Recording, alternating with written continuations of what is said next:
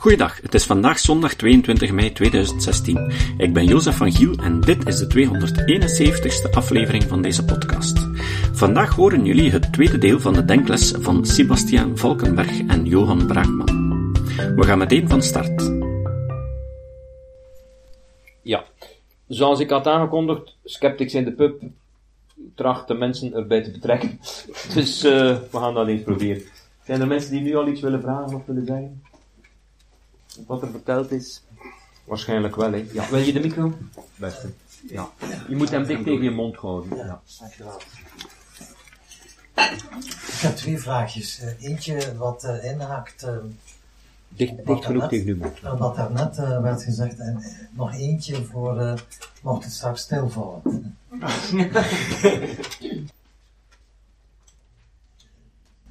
de, de, eerste vraagje heeft te maken met um, het feit dat er zich uh, fenomenen voordoen um, waarvoor die men een soort van wetenschappelijk aura probeert te geven, om er dan de moeite te vinden om dat op een filosofische basis te onderzoeken. Dat werd je net uh, ongeveer gezegd. Nou herinner ik mij gelezen te hebben in een boekje, um, de ongelovige Thomas heeft punt, maar ik ben de auteurs, eh, de beide auteurs, uh, Maar daar wordt nogal flink uit de doeken gedaan dat de theorie van Lacan, um, waar die theorieën allemaal over gaan, en dat men dat allemaal onderzocht heeft en dat men tot de vaststelling is gekomen dat dat eigenlijk allemaal um, volksverlakkerij is. Daar komt het eigenlijk op neer. Dat schrijft u. Nu uh, gaat u dan verder in die tekst en u zegt, en nogthans worden de teksten van Lacan dus uh, nog altijd aan, aan, een enorm belangrijke universiteit verder gedoseerd en onderzocht. En dan heb ik een probleem daarmee. Is dat nou de taak van de filosofie om zich bezig te houden, verder te onderzoeken, een onderzoek te doen naar teksten waarvan men weet dat het Laria Napekool is. Misschien kunnen we daar al even, uh, ja. Uh, het, het, sluit aan bij iets wat ik natuurlijk uh, nog te berde zou brengen bij Sébastien, omdat in zijn boek heeft hij het ook nogal uitvoerig over wat men met een, denk een nieuw Nederlands woord, vaagtaal noemt.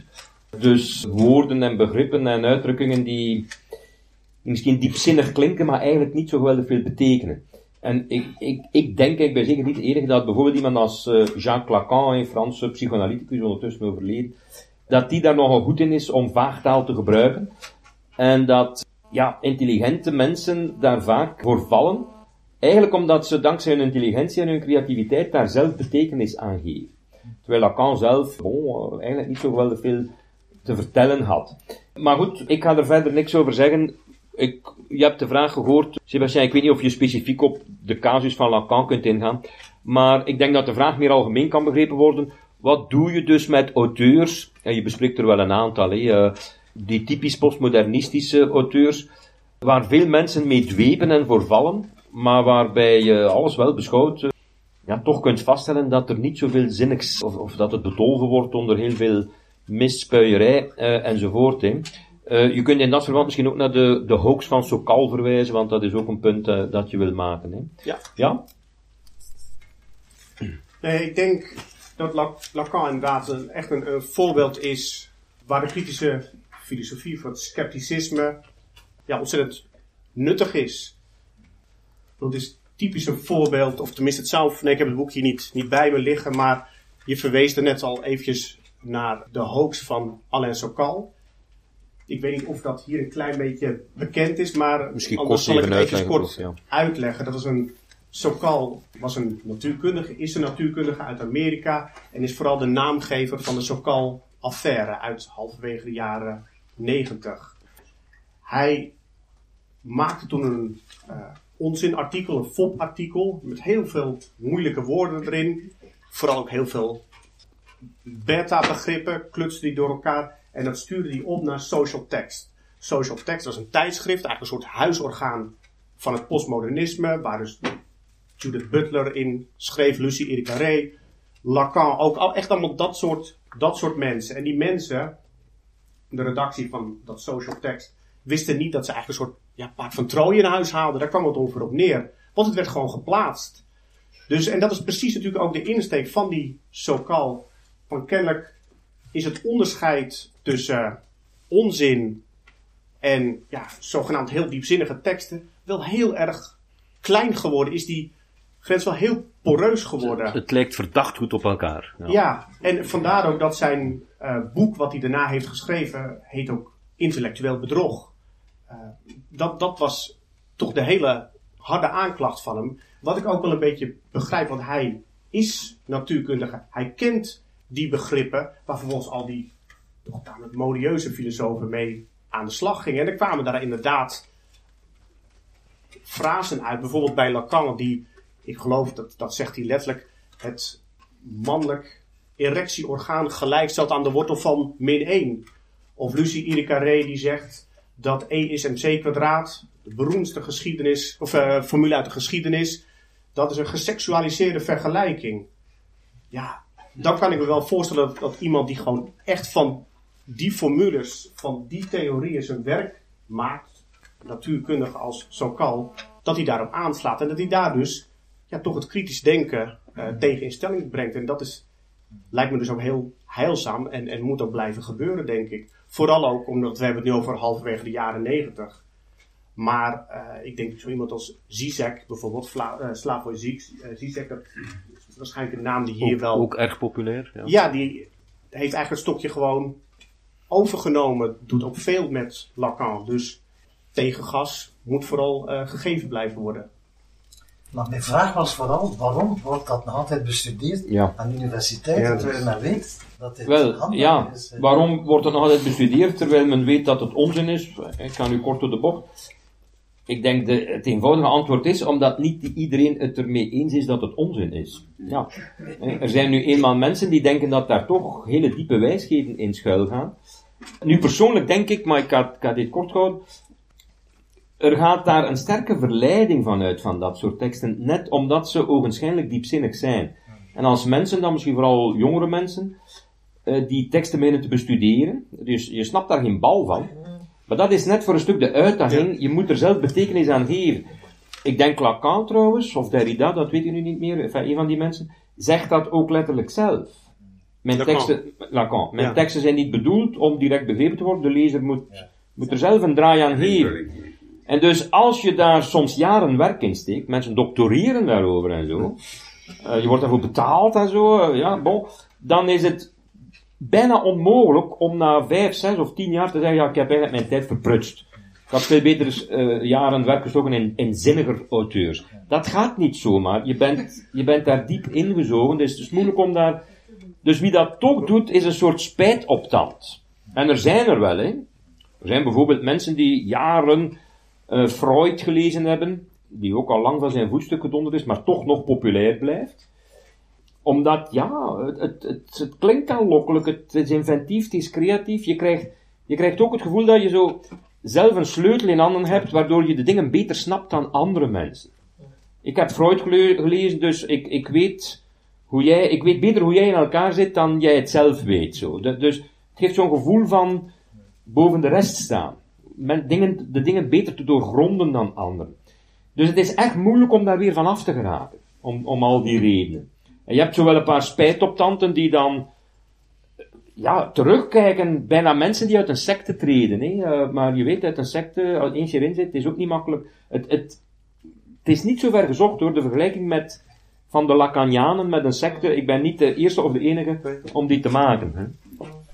Dat is misschien in aanvulling hierop ook wel interessant de, de, de, de observatie van, volgens mij was het Claude Lévi-Strauss, de Franse auteur, die op een gegeven moment ook de beroemde symposia bezocht, ik denk in Parijs van Lacan, dat, dat waren uh, jaarlijkse dingen die hij organiseerde. En die ook om zich heen keek, ja, bijna alsof hij een soort, soort vreemde planeet was, geloof ik. En dan zegt hij ook letterlijk, volgens mij, het was meer alsof daar een sjamaan voor de groep stond. Chom, Chomsky dat. Was het Chomsky? Chomsky ja. Ik ben er bijna zeker van Cloud Levi-Strauss, maar dat gaan we opzoeken. Ja. maar met dat soort verhalen gaat dat zo, ze worden op de duur aan iedereen En, toegeschreven. en, en je kunt die, nou volgens mij die, die symposia in, in Parijs vind je niet, maar er staan op YouTube volgens mij ook fragmenten dat hij bijvoorbeeld op bezoek is in, eh, in Leuven. En dan zie je dat ook inderdaad gebeuren. Dat is niet een docent die stap voor stap een argumentatie opbouwt om zijn studenten iets te leren. Nee, het is inderdaad een shamaan die aanbeden wordt door de studenten daaromheen. Dus het is ja, echt, echt nou ja, een, een, een ander register waaruit die put. Ja, ja het, het is ook zo anders dan bij andere auteurs dat men blijft zweren bij die oorspronkelijke teksten. Zie je? Dus neem nu Darwin bijvoorbeeld, ik toevallig een beetje ken. Darwin wordt nog gelezen en dat is nog zeer leesbaar. Maar er is eigenlijk niemand die het in zijn hoofd zal halen om Darwin te lezen alsof dat nu, 2016, uh, allemaal geldig is. Natuurlijk niet. Dat is gedateerd, zoals Newton en Galilei en, en dat is allemaal gedateerd. Dat is inspirerend, maar dat is geschiedenis tegelijkertijd.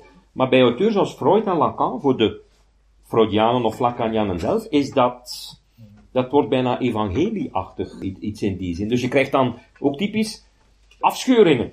Zie je? Dus, ja, godsdiensttwisten bijna. Hè? Dus die vergelijking gaat toch voor een goed stuk op.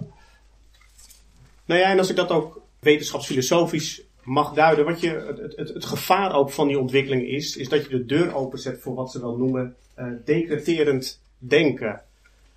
Nou ja, om, om inderdaad het voorbeeld van Freud aan te halen, die op een gegeven moment in botsing kwam met zijn leerling Carl Gustav Jung. Die stelde vraagtekens bij de theorie van Freud. En die vroeg letterlijk, waarom is dit waar? En het antwoord was, van Freud was, omdat ik dat zeg. Dat is natuurlijk een, nou niet eens zozeer een hele rare reactie, maar vooral ook een hele onwetenschappelijke reactie. Want een wetenschapper kan natuurlijk nooit nou ja, de, de, de, de kaart van, van het gezag of de autoriteit uitspelen. Nee, dan is dus de vervolgstap dat je met ideeën, of uh, sorry, argumenten komt waarom iets waar of onwaar is. Maar het idee was toch wel heel sterk. Ja, die theorie is van mij. Dus uh, ik kan daar het laatste woord over spreken. Ik denk dat dat zegt wel iets over het onwetenschappelijke karakter ook. Ja. Ja, ik denk dat we daar langer zouden kunnen over doorbomen. Ja. Uh, bijvoorbeeld dat er zelfs inwijdingsrituelen ontstaan enzovoort. Ja, uh, een geheim comité toch? Ja, precies. En als okay. Freudiaans psychoanalyticus moet je zelf geanalyseerd worden. Zo. Dat, dat zijn sectarische inwijdingsrituelen, wat normaal in de wetenschap niet echt op die manier gebeurt natuurlijk, uh, uiteraard niet. Maar dat zijn manieren om jou... Dus dat is een stuk van een antwoord op jouw vraag, denk ik. Daarom blijft dat bestaan. Je krijgt het er niet zomaar uit. En tegelijkertijd moet je daar ook niet per se tegen zijn, omdat je, je moet dat ook kunnen bestuderen, omdat dat nu eenmaal een grote, diepe invloed geeft, dat soort auteurs. Wat er fout aan is, denk ik, dat de mensen die dat grondig bestuderen niet voldoende afstand kunnen nemen, maar er, er ingezogen worden, als het ware. Zie je? Maar je had nog een tweede vraag. Wil je die nog stellen of is die ondertussen maar ik wil het niet beantwoord? Nee, maar ja. Dit is van totaal andere woord. Ja. Oké, is er misschien iemand die wil nog iets verder vragen over wat tot nu toe hier besproken is? Niet meteen, dan zou ik zeggen, stel gerust uw tweede vraag. Hè. Toch? Ja. Nu het kan.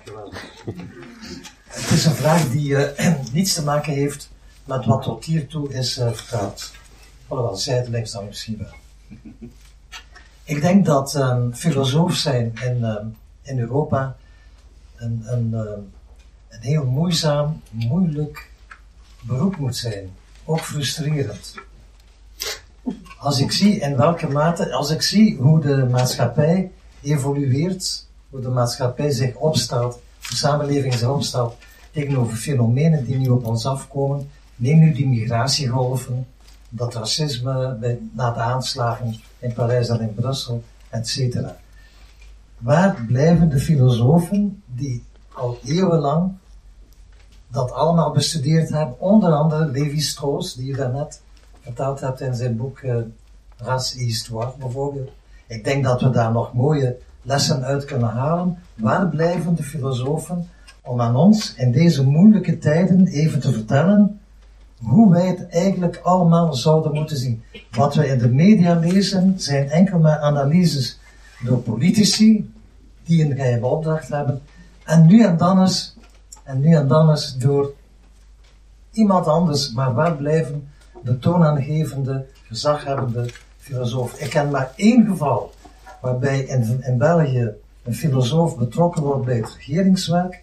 En dat is dus onlangs gebeurd, uh, toen een emeritus uh, gevraagd werd om mee te schrijven aan een tekst die alle migranten die zich hier willen vestigen ze moeten ondertekenen. Dat vind ik toch, per slot van rekening, heel weinig.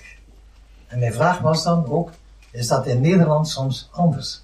Worden in Nederland politieke beslissingen wat meer gevoed door... Nou, ik hoop het eerlijk gezegd niet. Um, want de filosofen hebben daar, als het gaat om een actuele kwestie als de migratiecrisis, het hoogste woord.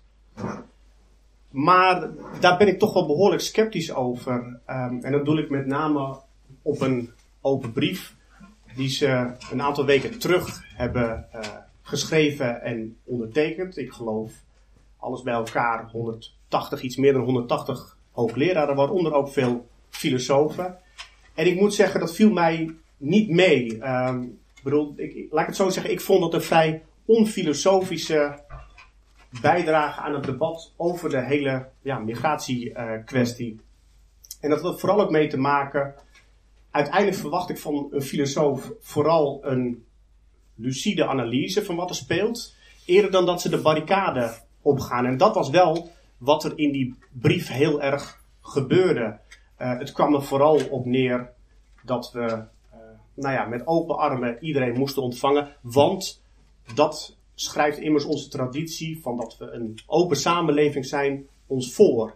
En dan denk ik van nou, ja, dat is meer een, een, een soort, soort, soort vorm van, van activisme dan dat dat filosofisch doordacht is. Want die open samenleving, dat is natuurlijk een ja, behoorlijk geladen en ook vooral heel specifiek van Karl Popper.